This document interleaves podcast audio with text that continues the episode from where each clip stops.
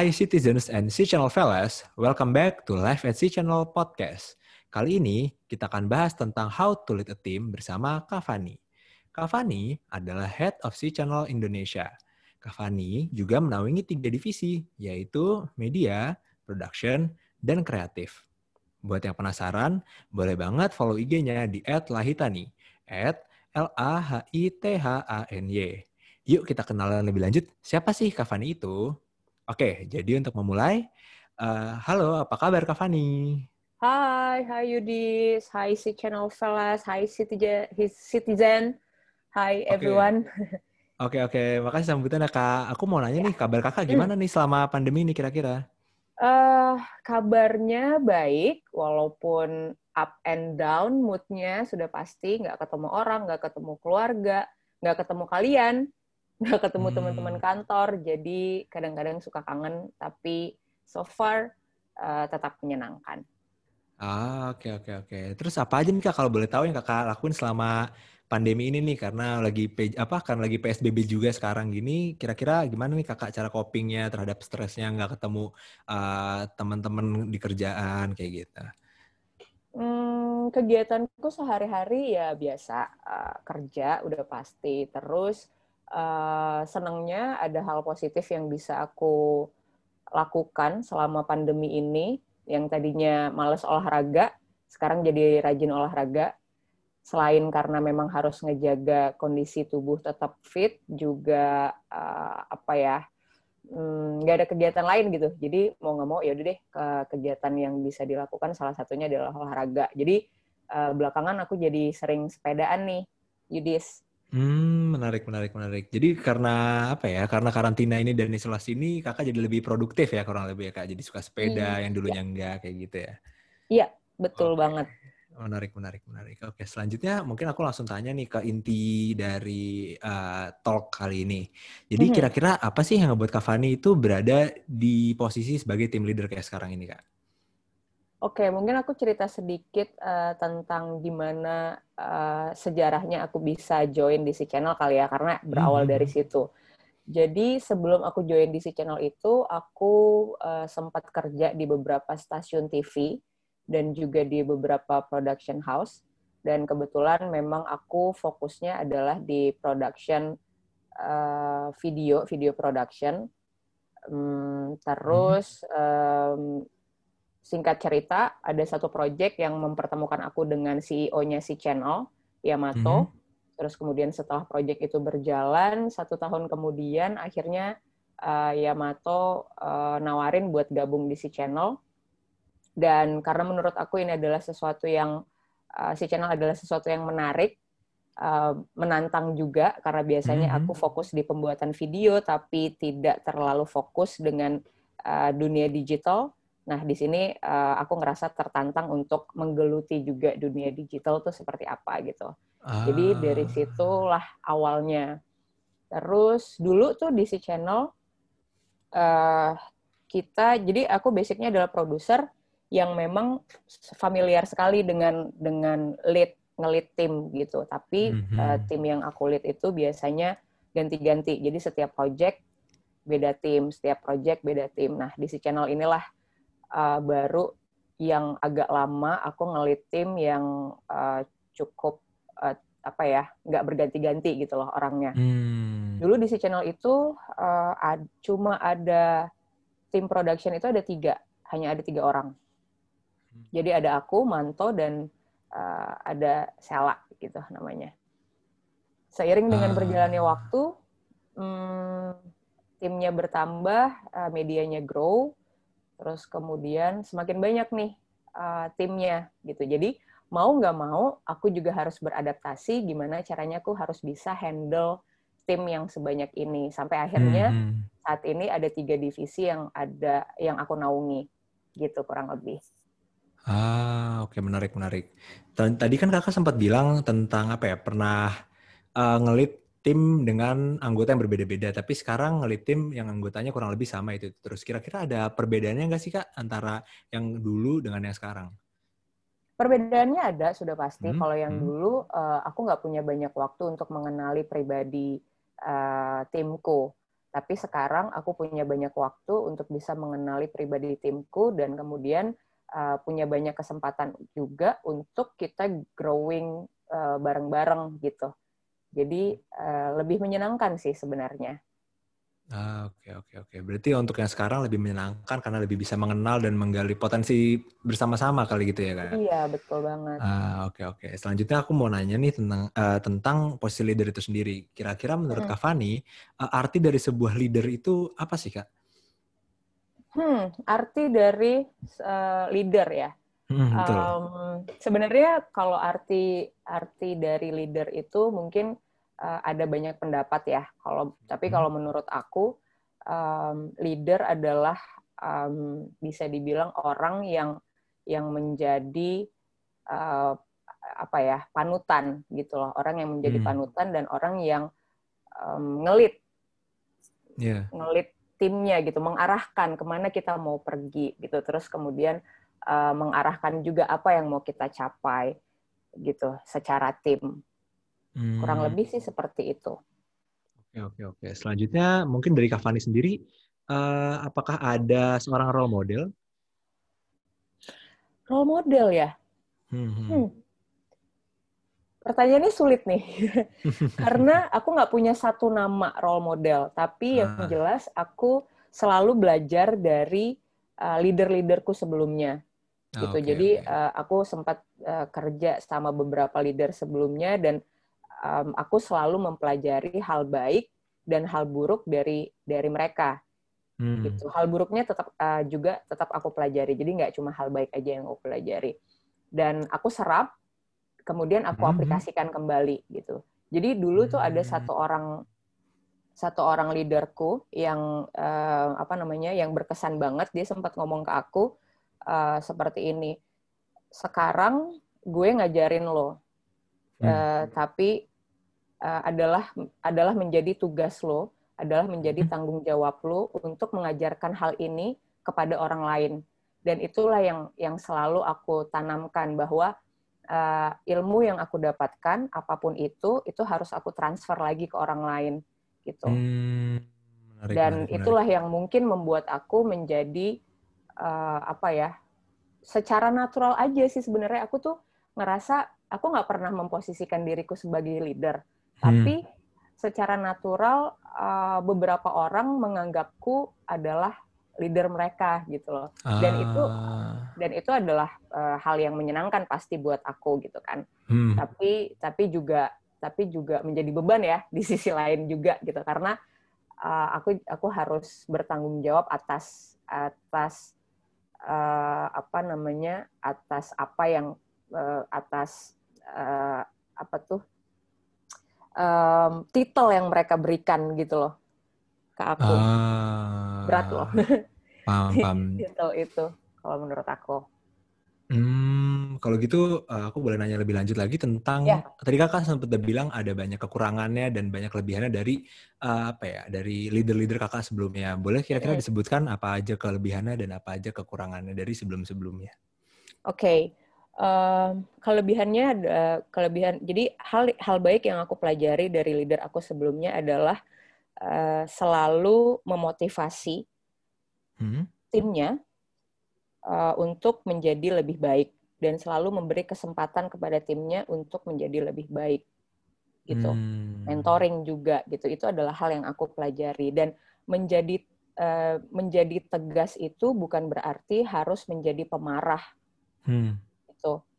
Um, dan hal hal buruk yang aku juga pernah dapatkan dari leaderku adalah um, aku pernah di jadi dulu aku uh, ada di dunia film pembuatan hmm. film dan dunia film itu keras banget Uh, hmm. Kalau misalkan leadernya lagi marah atau misalkan sutradara atau direct, uh, sorry sutradara atau produser lagi marah tuh bisa binatang tuh keluar semua tuh dari mulutnya dan itu nggak peduli tempat nggak peduli di mana udah keluar aja tuh kata-kata uh, binatang-binatang yang dari mulutnya itu dan aku pernah satu waktu melakukan kesalahan dan aku dimarahin di depan orang banyak gitu dan itu ah. menyakiti menyakiti hatiku pada saat itu nah ini adalah salah satu hal buruk yang aku pelajari bahwa uh, memarahi seseorang atas kesalahannya di depan orang banyak itu tidak pernah menjadi sesuatu yang baik, hmm. tidak pernah hmm. menjadi sesuatu yang bagus gitu loh.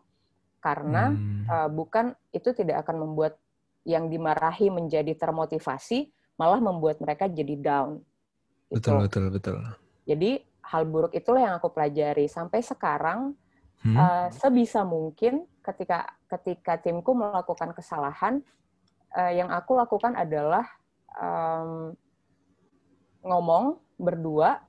Hmm? Uh, aku kasih tahu keadaannya seperti apa dan kemudian hmm? aku tidak akan pernah bilang kamu salah. Gitu. Yang aku lakukan adalah memberitahu dampak dari perbuatannya. Kalau kamu ah. berbuat seperti ini, maka dampaknya seperti ini. Maka hmm. dia sendiri, aku berharap dia sendiri yang akan uh, apa namanya menentukan yang gue lakuin salah atau enggak. Gitu. Hmm, paham, paham, paham, paham. Jadi uh, nggak, aku nggak pengen ngejudge mereka. Lu salah, yang lu lakuin ini salah dan segala macam. Karena bisa hmm. jadi menurut mereka itu nggak salah. Betul, betul. Gitu. Yang penting tugas kita adalah sebagai leader memberitahu bahwa ketika kamu melakukan A, dampaknya akan buruk seperti ini. Makanya kita, aku menganjurkan untuk melakukan B sehingga dampaknya baik gitu. Dan kalau hmm. dampaknya buruk kan jadinya begini, begini, begini. Jadi dikasih pengertian aja gitu. Itu yang biasanya aku lakukan uh, ke timku. Ah, menarik. Jadi kakak lebih apa ya? Lebih personal. Jadi ngomongnya langsung ke orangnya dan ngasih tahu dampak dari sebuah perilakunya dia dan memberikan apa ya saran untuk um, memperbaiki perilakunya tersebut. Mungkin gitu kali ya. ya betul hmm. betul. Dan dengan begitu uh, aku percaya bahwa mereka akan akan lebih apa ya akan lebih ngerasa bersalah pasti hmm, betul, gitu. betul betul akan lebih ngerasa bahwa oh iya ternyata gue salah dan mereka akan lebih ngerasa bahwa oke okay, gue akan memperbaiki kesalahan gue itu yang aku percayai dan hmm. so far uh, begitulah adanya gitu menarik, menarik jadi kalau ada satu orang yang ngelakuin kesalahan terus kemudian aku ajakin ngobrol pasti besoknya jadi lebih baik deh hmm, menarik menarik menarik menarik nggak okay. pakai mantra ya hmm, tapi hmm. iya iya iya Oke, kalau gitu uh, kakak tadi sempat ngebahas tentang motivasi nih kak. Kira-kira uh, gimana ya cara kakak sebagai tim leader untuk meningkatkan motivasi para apa ya, para anggotanya kakak gitu? Gimana tuh? Hmm. Meningkatkan motivasi tim tuh gimana? Terutama kan sekarang lagi pandemi juga nih, nggak sempat ketemu. Hmm. Itu kira-kira gimana? Apakah strateginya berbeda dengan sebelum pandemi? Iya, ini pertanyaan yang banyak banget uh, aku terima. Banyak banget hmm. yang nanya hal seperti ini ke aku. Gimana sih caranya memotivasi tim gitu? Hmm. Um, jadi yang pertama yang aku lakukan adalah untuk memotivasi tim. Um, aku harus jelasin dulu ke timku apa misi kita sebagai tim, apa goalsnya, hmm. apa yang mau kita tuju. Mereka harus paham dulu tujuan itu um, ketika mereka sudah paham, maka uh, mereka akan berpikir apa yang akan mereka lakukan. Gitu. Itu yang pertama. Terus kemudian um, aku akan menyampaikan kepada mereka bahwa um, kalian semua uh, penting buat menjalankan misi ini. Gitu. Jadi tanpa kalian, tanpa satu orang dari kalian, maka misi ini tidak akan terjalankan dengan baik goals hmm. kita tidak akan tercapai. Gitu. Aku akan hmm. menjelaskan itu. Terus kemudian aku akan membagi waktuku 70% untuk mendengarkan dan 30% untuk berbicara ketika berhadapan hmm. dengan tim. Okay. Jadi um, aku meluangkan lebih banyak waktu untuk mendengarkan um, apa yang mereka rasakan. Apa aja, keluhan, ide, cerita. Bahkan aku sering banget uh, hmm. didatangin sama timku untuk mereka hanya menceritakan tentang kehidupan pribadi mereka. Hmm. Jadi kalau lagi berantem sama pacarnya, suka datang ke aku buat cerita, kak, gue lagi berantem sama pacar gue, bla bla bla. Kak, gue bete deh sama temen gue. Dan dan dan uh, itu aku dengarkan, gitu. Iya yeah, iya. Yeah. Uh, jadi uh, ketika mereka bercerita, itu adalah hmm, waktu hmm. yang tepat untuk aku mempelajari bagaimana cara mereka berpikir dan bertindak. Hmm. gitu. Menarik, menarik. Oke. Okay. Nah, terus kemudian setelah itu, um, aku juga melibatkan timku untuk um, uh, pengambilan keputusan. Aku akan diskusi. Ketika aku dihadapkan, ketika kita secara tim dihadapkan uh, di dalam keadaan di mana kita harus mengambil keputusan, aku akan diskusi sama tim. Nih, kita dihadapkan dengan isu ini. Hmm. Um, gue punya solusi seperti ini. Menurut kalian gimana? Karena masalah masalah tim adalah masalah kita bersama. Jadinya hmm. ini bersambung nih dari di awal. Di awal mereka sudah tahu goalsnya apa, maka ketika ada masalah mereka juga harus dilibatin gitu. Hmm. Terus uh, aku juga selalu memberi opportunity kepada mereka.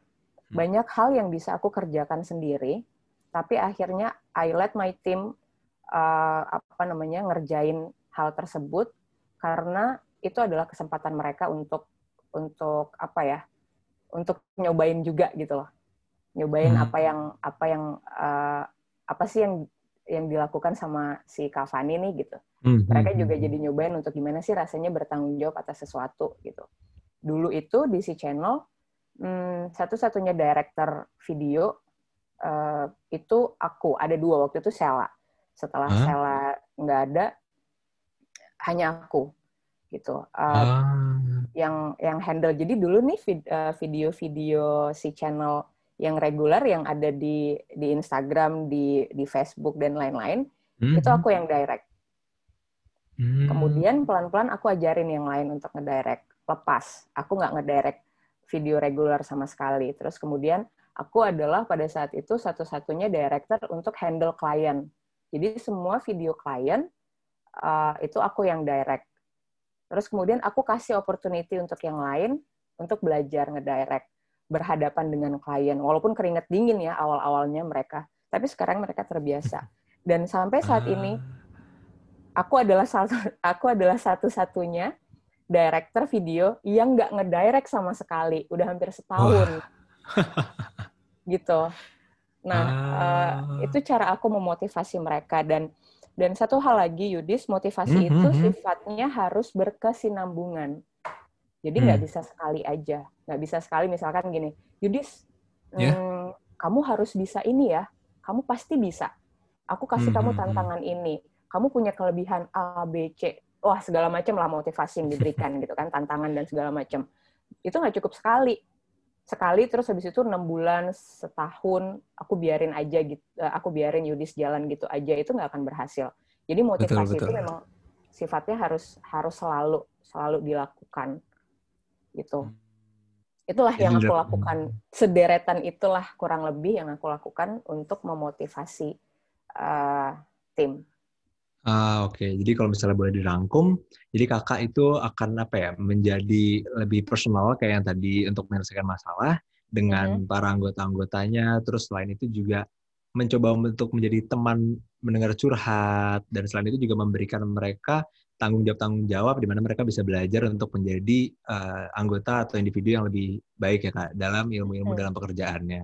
Kayak mm-hmm. gitu ya kurang lebih. Benar, benar.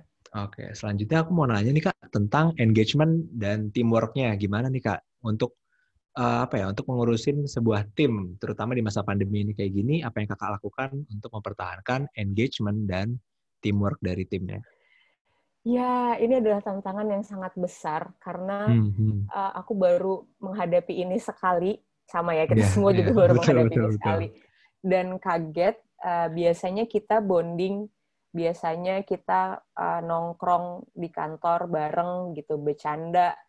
Terus kemudian di waktu-waktu luang kita bisa makan bareng bisa ngobrol um, apa namanya banyak hal yang bisa kita lakukan untuk kita bonding gitu uh, mempertahankan engagement terus uh, sekarang kita nggak ketemu sama sekali hmm. sudah hampir enam bulan ya kurang lebih yeah, iya. gitu yeah. Um, aku sempat sempat bingung gimana nih caranya biar biar tim kita tetap tetap kumpul gitu loh, tetap ada engagementnya. Hmm. Maka yang aku lakukan adalah uh, setiap minggu itu hmm. uh, aku akan ada meeting sama tim dan di yeah. meeting itu um, aku men aku menyebutnya meeting, tapi yang kita lakukan adalah kita ngobrol. Jadi online online meeting gini. Hah? Kita ngobrol, ngobrol aja, ngobrol apa aja. Um, awalnya itu adalah knowledge sharing internal. Cuma lama kelamaan tadinya tadinya uh, waktu kita masih masih offline, masih ketemu langsung, itu biasanya kita bahas uh, knowledge knowledge tentang media atau tentang production, tentang kreatif gitu. Tapi sekarang uh, materinya diper, diperingan. Kita akan bahas tentang relationship, kita bahas tentang komunikasi, kita bahas tentang apa aja yang yang kita mau obrolin. Nah, ini adalah di sini adalah waktu di mana kita bisa bisa ngobrol, bonding. Hmm, menarik, gitu, menarik, dan menarik. dan tetap dan bisa tetap engage gitu. Itu itu hal pertama yang aku lakukan. Terus yang Hmm, kedua, hmm, biasanya aku suka uh, ada di hari-hari tertentu uh, dan biasanya tak terduga. Uh, aku ada list timku, Hah? uh, nama-namanya, dan aku akan checklist siapa yang udah aku cek minggu ini, uh, sorry bulan ini. Aku akan japri mereka, tanya apa kabar kamu, lagi ngapain Ah, gitu. ah. Tapi aku nggak nggak ngomongin kerjaan sama sekali. Iya, iya. Gimana kabarnya? Udah kita ngobrol sebentar, terus nanti habis itu oke checklist dia oke dia baik-baik aja. Tuh. Yang paling penting uh, pada saat ini, apalagi waktu awal-awal ya, Iya. meyakin, meyakinkan bahwa mereka baik-baik aja secara mental. Hmm, gitu. Jadi aku butuh yakin bahwa mereka baik-baik aja secara mental karena um, berdampak kan kalau mereka mentally uh, nggak baik-baik aja, maka kerjaannya Hmm. juga pasti bakalan kekerjaan bakalan berdampak gitu. Jadi betul, betul. yang apalagi yang ngekos nih, yang sendirian di kosan gitu, itu sering banget ngecekin Hmm. ngobrol gitu, tanyain mereka baik-baik aja atau enggak, oke atau enggak gitu. Itu yang aku lakukan sih. Oke, oke, oke. Jadi kakak lebih ini ya, lebih ngadain semacam update kehidupan kali ya, boleh disebut kayak Mm-mm. gitu setiap minggu Mm-mm. kayak gitu kali ya. Iya, betul betul betul. Hmm, oke, Karena kalau kalau kalau uh, biasanya kalau misalkan kita lagi ngobrolin kerjaan, hah? um, itu tuh aku bisa jadi kayak orang yang berbeda gitu loh. Hmm, Orang yang berbeda itu dalam arti kata di luar kerjaan kita bisa bisa kayak temen, ya. temen akrab banget, bisa yang wah kalau bisa dibilang bisa toyor-toyoran kepala, bisa ba- pakai bahasa ya udah pakai bahasa kita sehari-hari gitu. Tapi ketika kita Iya, udah iya. ngomongin kerjaan, em, aku akan switch gitu. Hmm, Gue hmm. gue switch jadi orang yang oke kita kita profesional kita ngomongin kerjaan gitu Hmm. nanti setelah itu bisa switch lagi kita bisa temenan lagi bisa ngobrolin apa pun gitu bahkan Betul, ngobrolin dapur-dapurnya mereka lah tuh yang punya pada punya masalah sama pacarnya dan lain-lain kayak gitu kita obrolin Ah. itu nah Oh. jadi eh, makanya ini agak susah nih karena kita nggak ketemu jadinya Mhm. timku sempat ngerasa kayak anjir si Cavani kok tiba-tiba galak ya gitu Ah. kalau nggak ketemu emang gue kelihatannya galak tapi kalau Iya, ketemu iya, iya, iya. kalau ketemu nggak gitu gitu loh nah jadi makanya aku Hmm. harus bisa balance uh, dua hal itu Betul, betul. Jadi balancing act sebagai teman curhat, teman Mm-mm. cerita, dan sebagai leader juga kali ya. iya betul. Selanjutnya aku mau nanya nih, di masa pandemi ini atau sebelum-sebelumnya, kira-kira Mhm. menurut Kak Fani, the biggest challenge from being a leader tuh gimana, Kak? Apa yang pernah Kakak alamin? the biggest challenge adalah uh, ketika um, aku uh, pengen timku grow tapi dianya nggak mau Gimana Itu tuh Kak adalah- contohnya? Challenge yang yang yang paling besar buat aku atau uh, Hmm, ketika mereka nggak percaya gitu loh sama aku hmm. Contohnya gini, Ya. um, kita kan ada ini ya apa namanya um, career path di si channel, terus kemudian Ya. kita juga uh, ada uh, apa namanya uh, review 360 setiap setiap enam bulan Hmm. dan lain-lain. Nah dari situ kan kita bisa ngeliat performance dari masing-masing tim, masing-masing orang. Nah Iya. ketika ada yang performance-nya rendah, itu pasti aku akan ajakin ngobrol. Aku tanyain Hmm. goals kamu apa, kamu mau apa gitu. Uh, nanti di nanti ya poinnya adalah aku um, minta mereka untuk ini performance lu jelek loh kita ban kita bareng-bareng yuk gimana caranya biar performance lu bisa menjadi baik gitu nah hmm. akunya pengen dianya nggak yeah. pengen gitu itu yang susah ah. tuh jadi dianya hmm. ngerasa kayak ah udah deh gue nggak atau udah aku cobain ngepush biar lu hmm. bisa bisa balik lagi gitu bisa bersinar hmm. lagi bisa bisa bagus lagi performancenya tapi dianya nggak yeah. mau gitu hmm. itu susah banget sih Terus dari pengalaman kakak selama ini kira-kira gimana tuh kak cara nanganin yang kasus seperti itu kak? Biasanya aku keep trying sih, jadi bodo hmm. amat. Dianya hmm. mau kesel kayak sama aku, mau apa, yang penting yang penting yang aku lakukan adalah uh, apa namanya untuk kebaikan dia gitu loh dan untuk kebaikan kebaikan dia secara pribadi juga kebaikan dia uh, di perusahaan gitu karena dia punya ah. tanggung jawab setiap orang punya tanggung jawab atas atas uh, perusahaan kan. Betul, gitu. betul. Jadi aku ya udah terserah deh lu mau bete sama gue gara-gara gue cecer terus kerjaan, lu mau kesel, lu mau ngomel, terserah. Yang penting um, aku melakukan ini niatnya adalah buat lo. Nah, nanti lama-lama mereka hmm, akan hmm. sadar sendiri biasanya. Ah, gitu. menarik, menarik, menarik, menarik. Biasanya mereka yang capek, capek sama aku. Uh, jadi akhirnya mereka berubah ya untuk menjadi lebih baik kali ya. Oke oke oke. Selanjutnya mungkin ini nih kak. Uh, kalau menurut kakak sendiri kira-kira gaya kepemimpinan kakak tuh seperti apa nih kak? Gaya kepemimpinan ya. Hmm, hmm. Kadang-kadang gue kalau ditanya gaya kepemimpinan, aku ngerasa kayak um, kayaknya gaya kepemimpinanku juga belum uh, juga nggak yang terbaik ya. Maksudnya nggak baik-baik banget.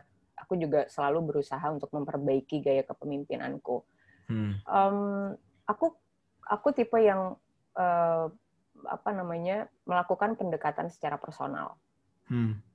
Gitu, pendekatan secara personal dan uh, selalu uh, memperbaiki cara berkomunikasi dengan siapa pun, dengan tim, dengan dengan kolega, dengan uh, apa namanya tim dari divisi lain, dengan atasan dan segala macam. Hmm. hmm. Gitu.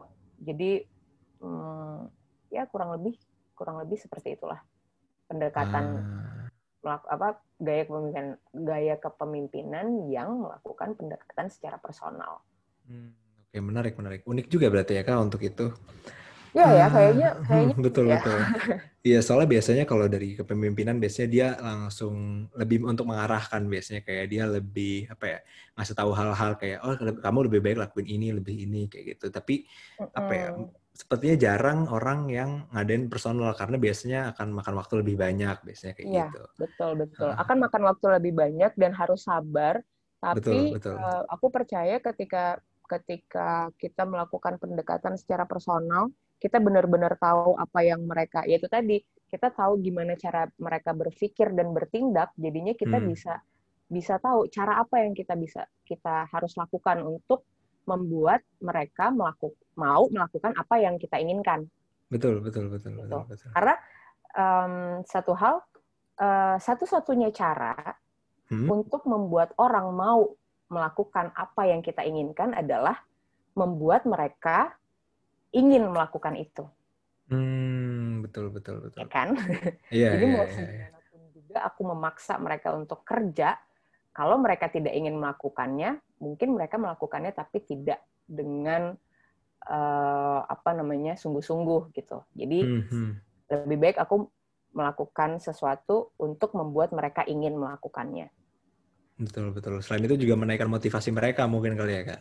Iya betul. Hmm. Kan beda ya kalau misalkan kita melakukan sesuatu dengan senang hati dan kita yeah. melakukan sesuatu dengan dongkol itu pasti hasilnya beda deh. Betul betul betul betul. Oke, mungkin ini pertanyaan terakhir dari aku. Aku mhm. pengen hmm. nanya ke kakak nih. Kira-kira menurut kakak, leader yang sukses itu leader yang seperti apa nih, Kak? Leader yang sukses itu adalah leader yang yeah? Ya? uh, direspek hmm. sama siapa pun, sama orang, sama siapa pun lah. Itu. Hmm. Jadi, uh, leader yang sukses adalah leader yang mempunyai identity dan value. Ah, paham, paham. Menarik, menarik, menarik, menarik. Gitu. Jadi ketika dia mempunyai uh, identity dan mempunyai value, mempunyai integritas, Iya, yeah, iya. Yeah. Uh, maka dia adalah leader yang sukses. Kalau menurut aku sih gitu. Oke oke, kalau gitu mungkin uh, untuk penutupnya terima kasih Kak Fani. Thank you Kak mm -hmm. Fani udah cerita-cerita di sini dan sharing buat citizens dan si channel Velas. Sukses terus buat Kak Fani dan untuk citizens dan si channel Velas ke depannya. Oh iya, untuk semua pendengar podcast ini, jangan lupa follow account kita di @live at channel di Spotify dan Instagram. Have a nice day.